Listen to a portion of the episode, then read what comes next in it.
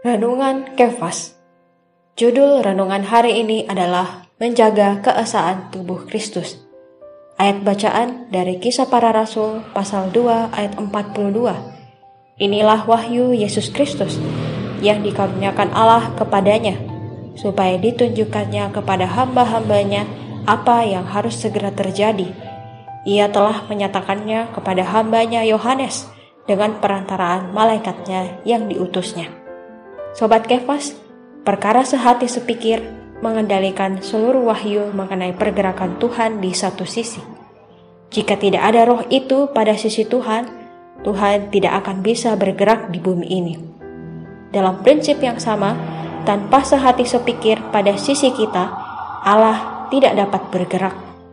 Kita harus cocok dengan Allah. Tanpa sehati sepikir, tidak ada partai yang dapat merampungkan segala sesuatu. Setiap masyarakat, kelompok, atau pergerakan memerlukan sehati sepikir ini yang dihasilkan dari jenis pikiran yang sama, jenis pengenalan yang sama. Karena itu, kitab kisah para rasul memberitahu kita bahwa di satu pihak ada sehati sepikir di antara murid-murid, dan di pihak lain mereka semua yang ada dalam sehati sepikir bertekun dalam pengajaran para rasul. Pengajaran para rasul adalah faktor yang mempertahankan sehati sepikir. Satu jalan untuk satu sasaran semuanya dalam batas lingkungan pengajaran para rasul.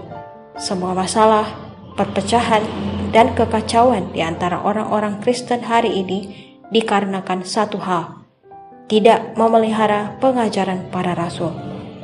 Banyak orang Kristen mengajarkan hal-hal yang berbeda dari pengajaran para rasul. Mereka tidak memiliki batasan, larangan, dan tidak terjaga dengan tepat dalam lingkungan pengajaran para rasul.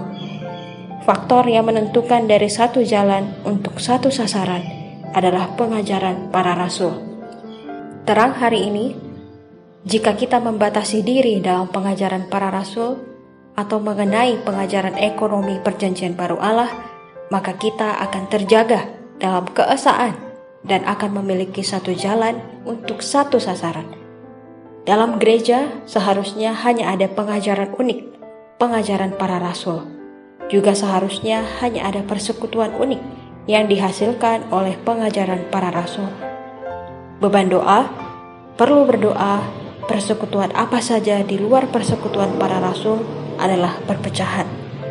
Persekutuan kita haruslah ada di dalam persekutuan para rasul.